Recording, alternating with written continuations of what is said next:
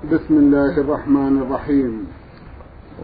الحمد لله رب العالمين والصلاة والسلام على نبينا وسيدنا محمد وعلى آله وصحبه وسلم. مستمعي الكرام السلام عليكم ورحمة الله وبركاته وأسعد الله أوقاتكم بكل خير. هذه حلقة جديدة مع رسائلكم في برنامج نور على الدرب. رسائلكم في هذه الحلقة نعرضها على سماحة الشيخ عبد العزيز ابن عبد الله بن باز الرئيس العام لإدارات البحوث العلمية والإفتاء والدعوة والإرشاد. مع مطلع هذه الحلقة نرحب بسماحة الشيخ ونشكر له تفضله بإجابة السادة المستمعين فأهلا وسهلا بالشيخ عبد العزيز. حياكم الله وبارك فيكم حياكم الله. أولى رسائل هذه الحلقة رسالة وصلت إلى البرنامج من المستمع عين فغي أخونا ضمن رسالته أكثر من ثلاثين سؤالا. يقول إنه اقتبسها من واقع الناس وهي فيما يقول أسئلة هامة ولا سيما فيما يتعلق بأمر العقيدة. لخصت أسئلته سماحة الشيخ على النحو التالي. في سؤاله الأول يقول حدثونا عن التوسل والوسيلة ووضحوا لنا الشبهة والرد عليها ولا سيما وأن هناك من يستدل بمثل قوله تعالى وابتغوا إليه الوسيلة ويستدلون أيضا بالتوسل بالعباس رضي الله عنه. وما الفرق بين التوسل بالأنبياء والصالحين والتوسل بالأعمال الصالحة؟ جزاكم الله خيرا. بسم الله الرحمن الرحيم. الحمد لله وصلى الله وسلم على رسول الله وعلى آله وأصحابه ومن اهتدى بهداه. أما بعد فهذا السؤال سؤال مهم وجدير بالعناية لأنه يشتبه الموضوع على كثير من الناس. فالوسيلة وسيلتان. وسيلة جائزة بل مشروعة مأمور بها ووسيلة ممنوعة. أما الوسيلة المشروعة فهي التوسل إلى الله بالإيمان والعمل الصالح وسائر ما شرعه الله جل وعلا. وهي المراد في قوله سبحانه يا أيها الذين آمنوا اتقوا الله وابتغوا إليه الوسيلة. يعني القربة إليه بطاعته كالصلاة والصوم والصدقة والحج وإخلاص العبادة لله ونحو ذلك. وهي المراد في قوله جل وعلا ولدوا أنتم من دونه فلا يملكون كشف الضر ولا, تحويلا. أولئك لن يدعون يبتغون إلى ربهم وسيهم مقرا لو تكرمتم نعيد الآية مرة أخرى. يقول جل وعلا قل ادعوا الإنسان أنتم من دونه فلا يملكون كشف الضر عنكم ولا تحويلا ثم قال بعده أولئك لن يدعون يبتغون إلى ربهم وسيلة أيهم أقرب ويرجو رحمته ويخافون عذابه. إن عذاب ربك لمحذور. فقوله سبحانه قل ادعوا إذا أنتم من دونه يعني من دون الله. من أصنام وأشجار وأحجار وأنبياء وغير ذلك. فلا يملكون كشف الضر عنكم ولا تحويلا. يعني أولئك المدعومون لا يملكون كشف الضر عن داعيهم من مرض أو جنون أو غير ذلك ولا تحويلا. يعني ولا تحويل من حال إلى حال من شدة إلى سهولة أو من عضو إلى عضو. لا يملكون ذلك. بل هم عاجزون عن ذلك وإنما هو بيد الله سبحانه وتعالى. ثم قالوا أولئك لا يدعون. يعني أولئك لا يدعوهم هؤلاء المشركون من أنبياء أو صالحين أو ملائكة يبتغون إلى ربهم وسيلة يعني هم يبتغون يطلبوا إلى الله الوسيلة وهي القربة إليه بطاعته من صلاة وصوم وصدقات وغير ذلك. ويرجون رحمته.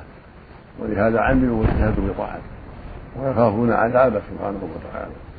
فهذه الوسيلة هي القيام بحقه من توحيده وطاعته بفعل الأوامر وترك النواهي وهي الإيمان والهدى والتقوى. وهي ما بعث الله به الرسل عليهم الصلاة والسلام من قول وعمل. فهذه وسيلة واجبة في الواجبات مستحبة في المستحبات. فالتوسل إليه بتوحيده والإخلاص له وإقام الصلاة وإيتاء الزكاة وصوم رمضان وحج البيت. هذا أمر لازم وفريضة في الحجة الأولى من العمر. وكذلك التوسل إليه بترك المعاصي أمر لازم فريضة والتوسل إليه بالنوافل صلاة النافلة صوم النافلة صدقة النافلة وإكرام ذكر الله أيضا مستحب وقربة وطاعة وذلك جعله الله من أسباب دخول الجنة والنجاة من النار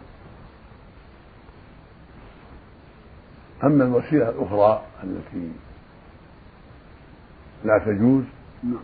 فهي التوسل إليه بدعاء الأموات والاستغاثة بالأموات نعم. هذه وسيلة شركية يسميها المشركون وسيلة وهي الشرك الأكبر وهي مراد في قوله سبحانه ويعبدون من دون الله ما لا يضرهم ولا ينفعهم ويقولون هؤلاء شفعاؤنا عند الله.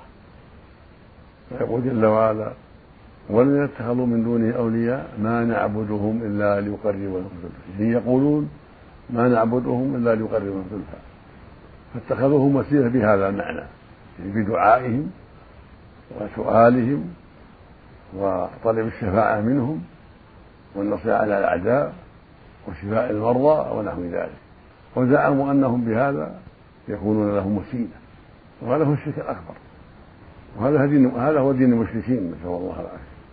فإن المشركين يزعمون أن عبادتهم للأنبياء والملائكة الصالحين والجن وسيلة إلى مقاصدهم. وأن هذه المعبودات تشفع لهم عند الله وتقربهم إلى الله زلفى. فأبطل الله ذلك وأكذبه في ذلك. قال تعالى في حقهم ولا تنبئون الله بما لا يعلم في السماوات والأرض سبحانه وتعالى عما بعد قوله سبحانه ويعبدون من دون الله ما لا يضرهم ولا ينفعهم ويقولون هؤلاء شفعاؤنا عند الله. أبطل الله ذلك بقوله ولا تنبئون الله يعني تخبرون الله بما لا يعلم السماوات والأرض سبحانه وتعالى عما قال في آية الزمر فاعبد الله مخلصا له الدين ألا لله الدين الخالص والذين اتخذوا من دونه أولياء ما نعبدهم يعني يقولون ما نعبدهم إلا ليقربونا فأكذبهم الله بقوله سبحانه إن الله يحكم بينهم فيما هم فيه يختلفون. إن الله لا يهدي من هو كاذب كفر فسماهم كذب في قولهم إنها تقربهم زلفى كفر بهذا العمل. بدعائهم إياهم واستغاثتهم بهم ونذرهم لهم وتضحيهم لهم ونحو ذلك. فالواجب على جميع المكلفين بل على جميع الناس الحذر من هذه الوسيلة. فلا يفعلها المكلف ولا غير المكلف. يجب على المكلف يحذرها وعليه يحذر غير المكلفين من أولاده أن يفعلها أيضا. فالله هو الذي يعبد سبحانه وتعالى هو الذي يدعى هو الذي يرجى هو الذي يسأل النصر للأعداء والشفاء للمرضى وغير ذلك من حاجات العباد. يقول سبحانه وتعالى في كتابه العظيم وما خلقت الجن والإنس إلا ليعبدون ما أريد منهم من رزق وما أريد أن يطعمون إن الله هو الرزاق ذو القوة المتين. ويقول سبحانه يا أيها الناس اعبدوا ربكم الذي خلقكم والذين من قبلكم لعلكم تتقون. ويقول عن النبي صلى الله عليه وسلم قل لا لا أملك نفسي نفعا ولا ضرا إلا ما شاء الله. ولو كنت أعلم الغيب لاستكثرت من الخير. وما مسني السوء. إن أنا إلا نذير وبشير لقوم يؤمنون. ونذير وبشير ليس بمعبود من دون الله وليس بإله مع الله سبحانه وتعالى. وقال جل وعلا وأن المساجد لله فلا تدعوا مع الله أحدا. وأنه لما قام عبد الله يدعو يعني محمد صلى الله عليه وسلم كادوا يكون عبادا قل إنما قل يا محمد الناس قل إنما أدعو ربي ولا أشرك به أحدا. قل إني لا أملك لكم ضرا ولا رشدا. قل إني لن يجرني من الله أحد ولن أجد من دونه ملتحدا إلا بلغ من الله ورسالته هو سبحانه لا يملك للناس ضرا ولا رشدا ولا يملك لنفسه نفعا ولا ضرا كما لا يملك لغيره. بل ذلك بيده سبحانه وتعالى. هذه الأمور بيد الله. هو الذي يملك النفع والضر والعطاء والمنع والشفاء من الأمراض والنصر على الأعداء هو بيده سبحانه وتعالى. وهناك نوع ثاني من الوسيلة من الوسيلة نعم. هو التوسل بجاه فلان وحق فلان. هذه وسيلة وسيلة ممنوعة لكنها ليست شركا أكبر بل هي من وسائل الشرك. من وسائل الشرك. كأن يقول اللهم إني أسأل بجاه محمد أو بجاه فلان أو بحق أنبيائك. هذا لا يجوز. هذه بدعة ليس ليس عليها دليل. الله يقول ولله الأسماء الحسنى فادعوه بها. شرع بأسمائه وصفاته. وهكذا يتوسل في الأعمال الصالحة مثل الصلاة والصوم بر الوالدين صلاة الرحم العفة عن الفواحش هذه وسائل شرعية. كما في قصة أصحاب الغار نعم. الذين آواهم المبيت والمطر إلى غار فدخلوا فيه. فانطبقت عليهم زهرة سدت عليهم ثمن غار.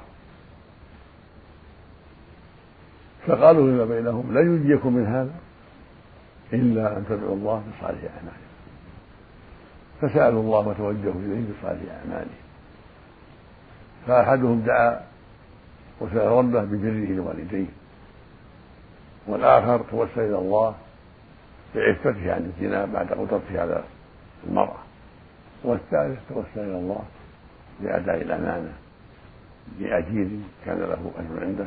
فلما أجره فلما جاء أعطاه إياه كاملا فانفرج عنه الصخرة بهذه الوسيلة الصالحة العملية.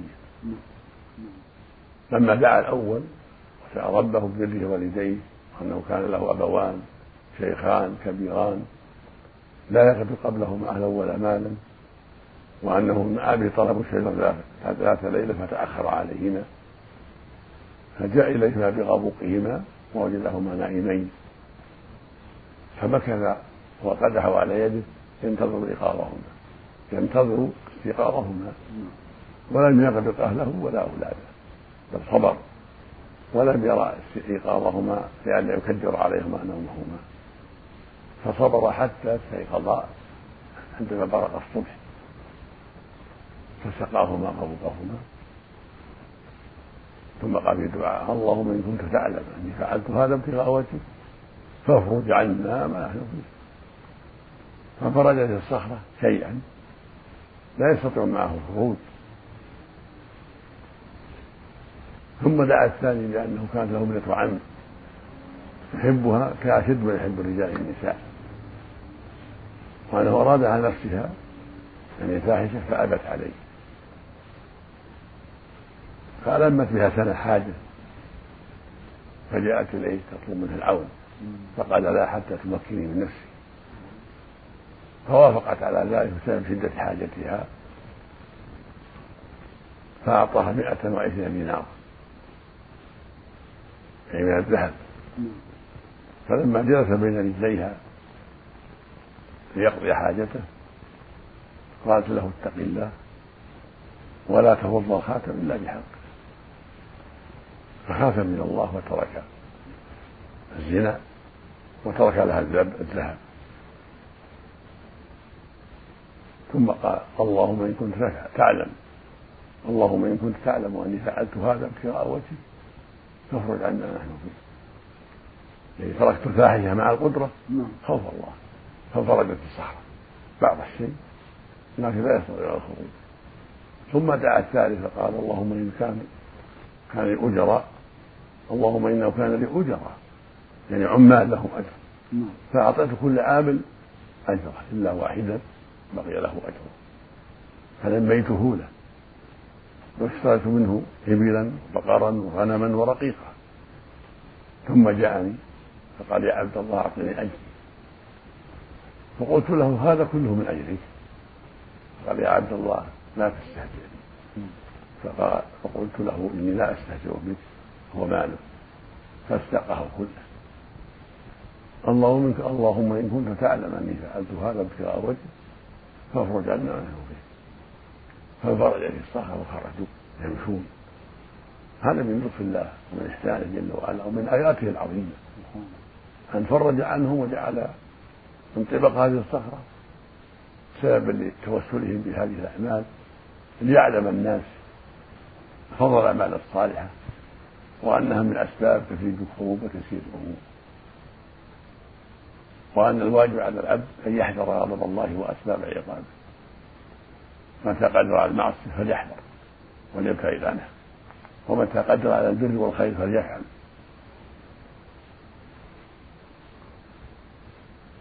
أما توسل عمر رضي الله عنه بالعباس نعم. فهذا توسل بدعائه. بدعاء العباس. فإنه كان النبي صلى الله عليه وسلم إذا أجلب الناس كان يسأل الله عز وجل الغيث. وكان الناس يفزعون إليه ويقول يا رسول الله استغث لنا. هلكت الأموال وانقطعت السبل بسبب الجد فيستغيث الله ويسأله سبحانه. أن يغيث العباد فيغيثهم سبحانه وتعالى.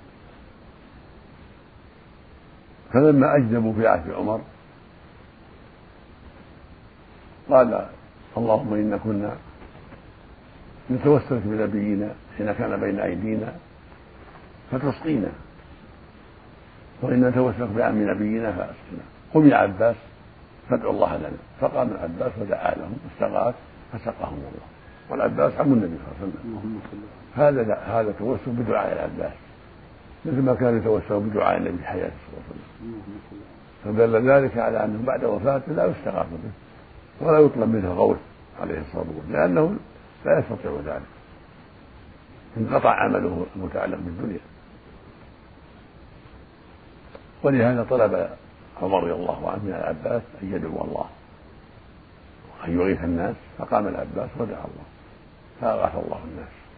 وهكذا فعل معاوية رضي الله عنه في الشام. نعم. يزيد بن الاسود طلب من يزيد بن الاسود الصحابي الجليل أن يسال الله الغوث فقام يزيد وسأل الله فاغاث الناس هذا لا بأس به الاستغاثه لا بأس بها شرعية. اي يقول ولي الأمر أو خطيب المسجد لعالم من العلماء أو بعض الأخيار ادعو الله يا فلان للمسلمين الله يغيثهم فلا بأس. كما فعل عمر مع العباس وكما فعل معاوية مع يزيد بن أسود.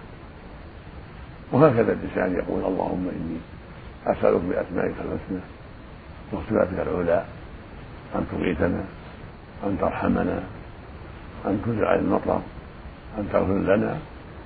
الله يقول سبحانه ولله الأسماء فادعوه بها. فأنت تسأل وهكذا غيره يسأل. يتوسل الله بأسمائه وصفاته ويدعو الله للمسلمين في وقت الجد وفي غيره. وبهذا يتضح أن أن الوسيلة ثلاث أقسام قسم مشروع. هو التوسل إلى الله بتوحيده والإيمان به والأعمال الصالحات وبأسمائه وصفاته. وقسم شرك هو التوسل إلى الله بدعاء الأموات والاستغاثة بالأموات والذي لهم والذبح لهم. أو التوسل بالأصنام أو بالأشجار والأحجار أو بالجن. هذا شرك أكبر. القسم الثالث بدعة. لا يجوز وليس بشرك. وليس مشروعا بل هو بدعة.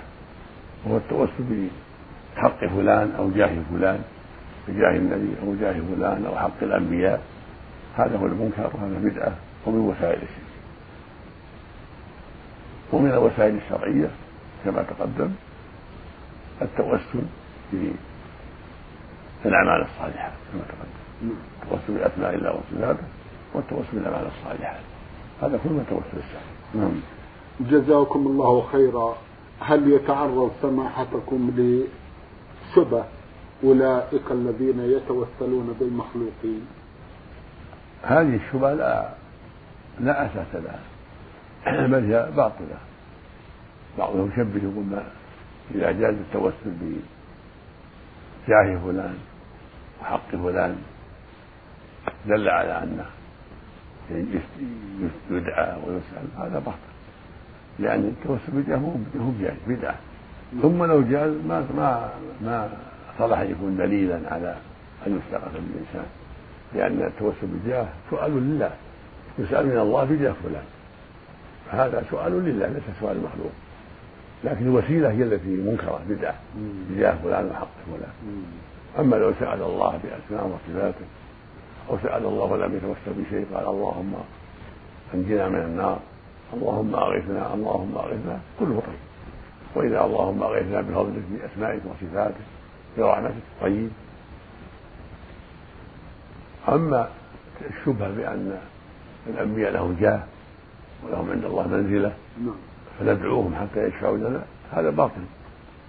لأن جاههم منزلتهم التي عند الله لم يجعلها الله مسوغة للمشركين ليعبدوهم مع الله. بل أنكر عليهم لما استغاثوا بهم وطلبوا الشفاعة طلبوا من يقربهم أنكر عليهم ذلك. وسماهم كذبة كفرة وأخبر أنه أن ما فعلوا باطل. يتنزه الله عنه. في قوله سبحانه قل أتنبئون الله بما لا في السماوات سبحانه وتعالى عما يشركون. قال عز وجل إن الله يحكم بينهم فيما هم يختلفون. إن الله لا يهدي من هو كاذب كفار هذه الوسيلة التي فعلها المشركون مع الأصنام ومع الأنبياء ومع الجن واستغاثوا بهم ونذروا لهم وقد زعموا أنه يشفع لهم. هذه باطلة. أبطلها الله وأبطلها الرسول صلى الله عليه وسلم. وحذر منها وحذر منها الأمة. وأمره يخلص العبادة لله وحده سبحانه وتعالى. نعم. جزاكم الله خيرا. ننتقل إلى سؤال آخر من أسئلة أخينا عين فاغين يقول يدور على ألسنة بعض المسلمين. حديث يروونه عن الرسول صلى الله عليه وسلم وهو من حج ولم يزرني فقد جفاني. ما صحة هذا الحديث؟ وما علاقة الزيارة بالحج؟ وما هي آداب الزيارة؟ الحديث هذا موضوع عند أهل العلم كما نبه عليه شيخ الإسلام ابن تيمية رحمه الله والحافظ بن عبد الهادي في كتابه الصارم المكي الرد على السبكي هو حديث باطل لا صحة له. وليست الزيارة واجبة للمدينة ولا للنبي صلى الله عليه وسلم حتى يكون من تركها جاهلا. لا الزيارة للمسجد النبوي مستحبة. إذا شد الرحلة إلى المسجد وصلى فيه وصلى على النبي صلى الله عليه وسلم وسلم عليه هذا مستحب وليس بواجب. ومن ترك هذا يسمى جافيا والزيارة الشرعية أن يشد الرحل إلى المسجد للصلاة فيه والقراءة والاعتكاف مما يشرح المسجد. نعم. وإذا زار من المدينة سلم على النبي صلى الله عليه وسلم وسلم على صاحبيه. مستحب له ذلك. نعم. وسلم على أهل البقيع على الشهداء بأحد كل هذا سنة. لكن لا يشد الرحل لأجل ذلك. شد الرحل لأجل زيارة المسجد وهكذا يستحب له أن يزور مسجد قباء ويصلي في ركعتين كما كان النبي يزوره عليه الصلاة والسلام. وهذه الزيارة ليس لها تعلق بالحج. بل يستحب زيارة المسجد مطلقة لحاج وغير الحاج. قبل الحج وبعده.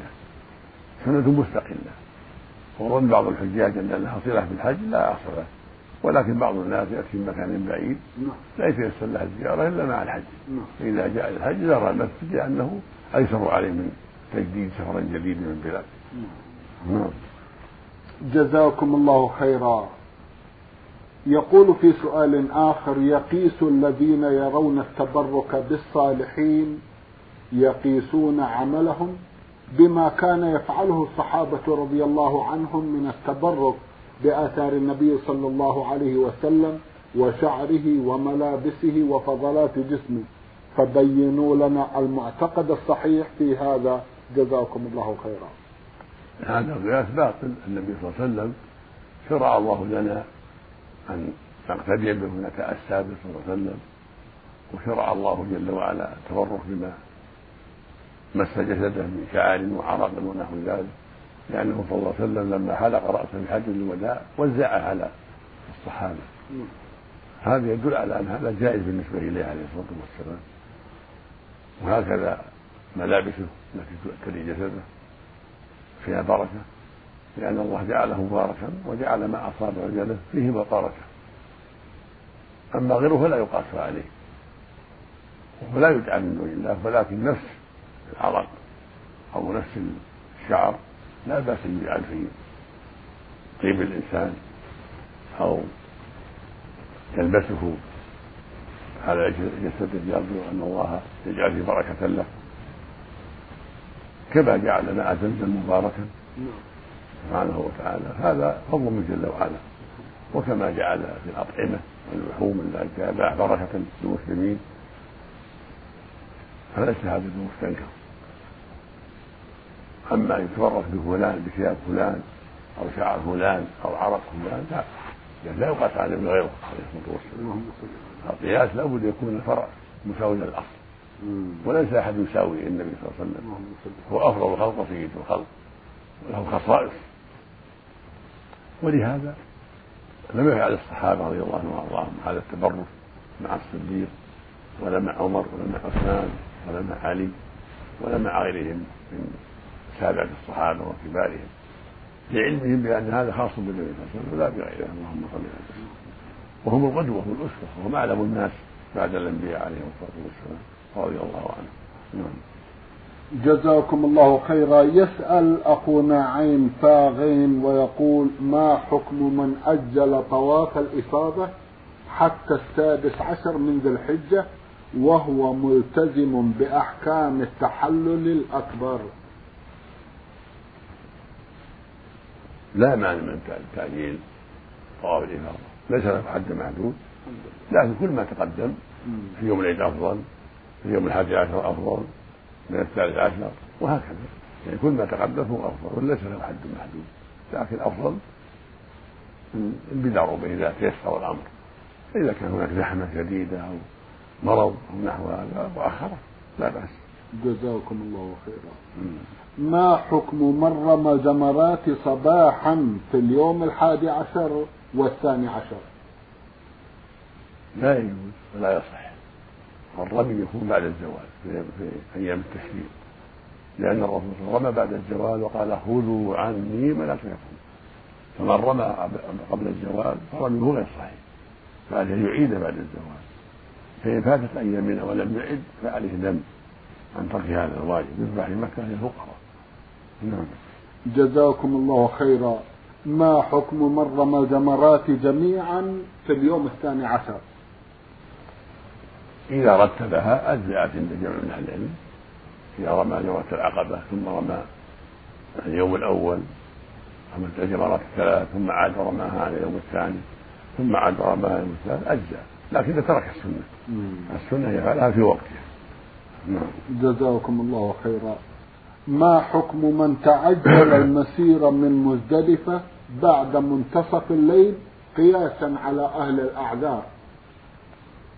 لا حرج لكنه ترك السنة ترك الأفضل.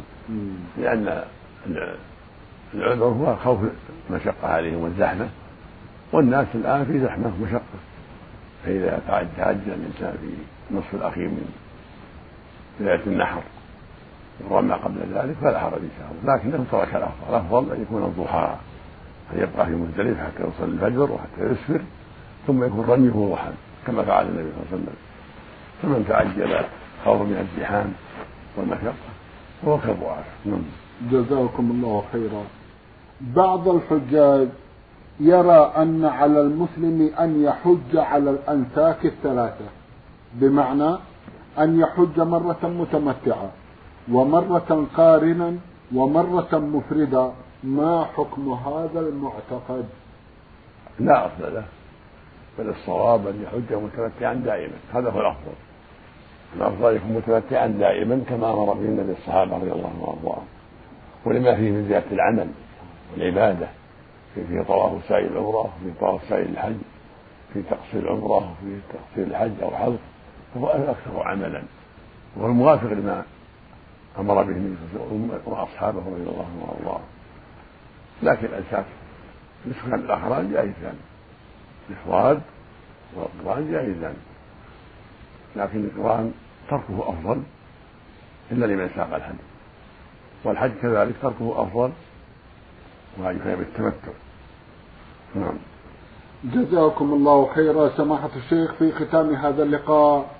أتوجه لكم بالشكر الجزيل بعد شكر الله سبحانه وتعالى على تفضلكم بإجابة السادة المستمعين وآمل أن يتجدد اللقاء وأنتم على خير. نرجو ذلك.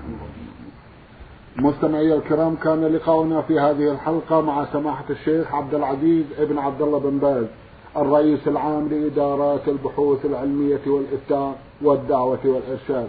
شكرا لسماحته. وأنتم يا مستمعي الكرام شكرا لحسن متابعتكم وإلى الملتقى وسلام الله عليكم ورحمته وبركاته.